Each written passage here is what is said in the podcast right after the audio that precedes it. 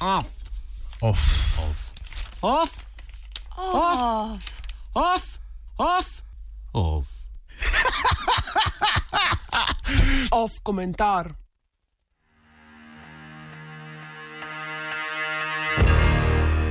Kaj pa levica?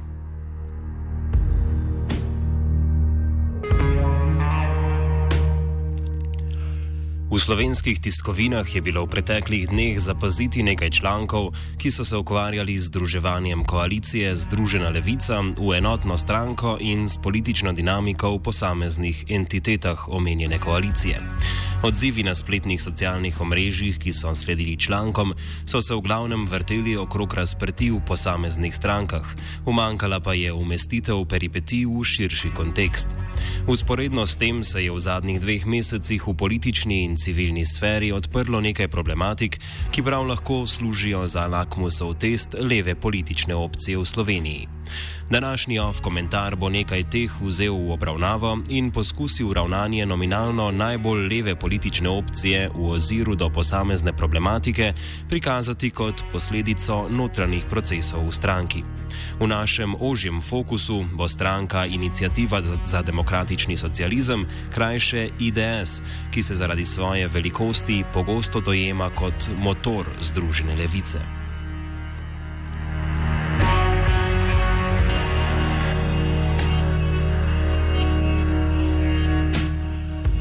Problematike, ki bodo predstavljale središče pričujočega komentarja, so sprejemanje novele zakona o tujcih, prihod investitorja Magna Štajer v občino Hoče Slivnica ter medijski pogrom nad brezposelnimi zaradi težav pri iskanju agencijskih delavcev za tovarno Revoz.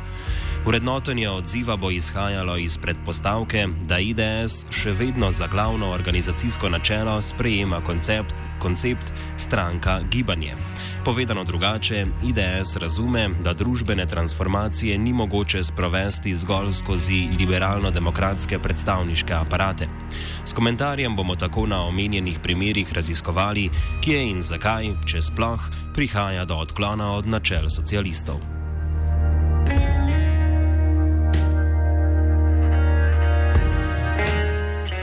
Začnimo z zakonom o tujcih. Argumentacija, ki jo je stranka IDS uporabljala v javnih občilih, je bila milo rečeno neprepričljiva. Neprepričljiva predvsem zato, ker je bila vedno soočena z retoriko desnih političnih opcij. Ta je bila pričakovano socialno-populistična in je uporabljala že znano formulo: najprej poskrbimo za naše. Glasnik socialistov ni zmogel drugega kot sklicevanje na mednarodne konvencije in afirmacije iste azilne zakonodaje, ki v nekaterih aspektih sama povzroča podobne učinke kot novela zakona o tujcih. A tudi pri tem ni bil najbolj prepričljiv, sploh če vzamemo v obzir, da je za ta aspekt argumentacije v večini primerov že poskrbela bodi si pravna stroka, bodi si nevladne organizacije.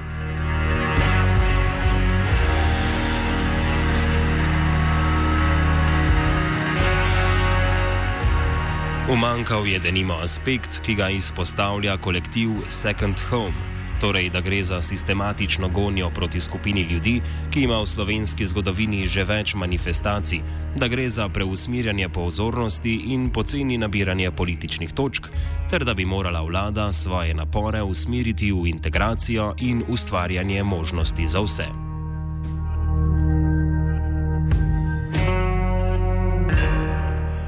V primeru okoljsko spornih investicij Magne Štajer lahko sicer pohvalimo parlamentarne intervencije poslancev Združene levice in nekaterih članov IDS, ki so poleg ekološke spornosti projekta opozorili tudi na razlastninjenje okoliških kmetovalcev. Podobno intervencijo bi lahko pričakovali tudi v primeru medijske gonje proti brezposelnim na Dolenskem, ki se niso odzvali na izkoriščevalski poziv agencij za posredovanje dela v nočnih izmenah v Revozu. Tisto, kar je omankalo pri obeh problematikah, pa je terenska prisotnost.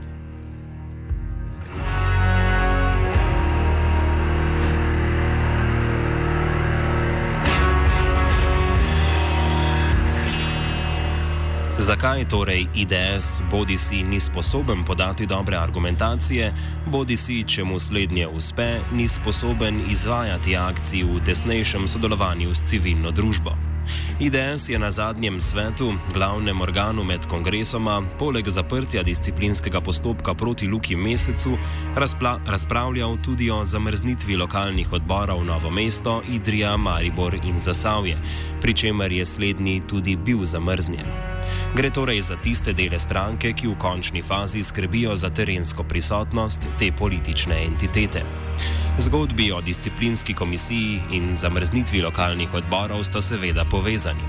Obe se gibljeta okrog neuspele konsolidacije članstva glede vprašanja združevanja koalicije Združena levica v stranko. Precejšen delež članov je namreč združitvi nasprotoval, nekateri lo lokalni odbori zaradi slabih izkušenj z aktivisti iz drugih članic koalicije, nekateri zato, ker je bilo združevanje predvideno predvsem na ravni medijske pojavnosti in sodelovanja v poslanski skupini.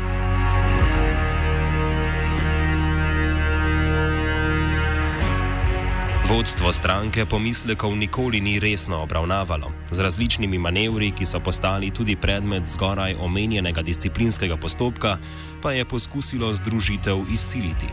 Slednje je pripeljalo do resignacije velikega dela članstva. Iz stranke so tako v nekaj krogih odšli teoretiki, lokalni odbori pa enostavno niso želeli več voliti delegatskih in koordinatorskih funkcij, na katerih je ustrajal center stranke. V stranki se zaradi zmanjšanja aktivnih članov vrši manj programske razprave, primankuje pa tudi tistih članov, ki so organsko upeti v svoje okolje.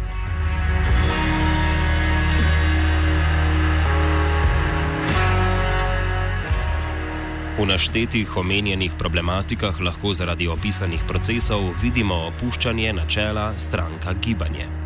Dosledna izpeljava tega bi terjala odpiranje prostora in usklajevanje z že obstoječimi boji na tem področju, za kar je potrebna močna lokalna prisotnost in veliko vsebinske razprave.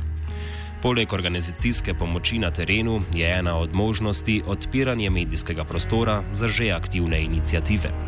Zakaj torej ne bi poleg organizacijske pomoči na terenu medijskega prostora odstopili različnim inicijativam, bodi si tistim, ki se ukvarjajo z begunci, bodi si kmetom, ki se jim obeta razlastninjenje.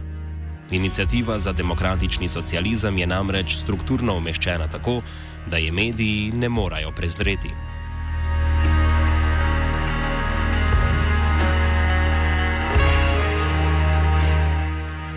Stranka IDS je zaradi vse večje opetosti v aparate države, ki jim nudi tudi večino financiranja in možnost vzdrževanja profesionalnih kadrov, zapadla v strukturno logiko večine meščanskih strank. Te se obnašajo skoraj da tržno, glavni orientir pa so jim raziskave javnega mnenja. Proces približevanja državnemu aparatu tako deluje na različnih ravneh. Na eni strani povzroči deradikalizacijo ideologije, na drugi strani pa gre za standardizacijo produkta, kot razumem tudi naprimer združevanje, utišanje frakcijskih bojev, potrošnik, pardon, volivec mora namreč dobiti celoto z lepo grafično podobo, ne pa nek proces večne konsolidacije.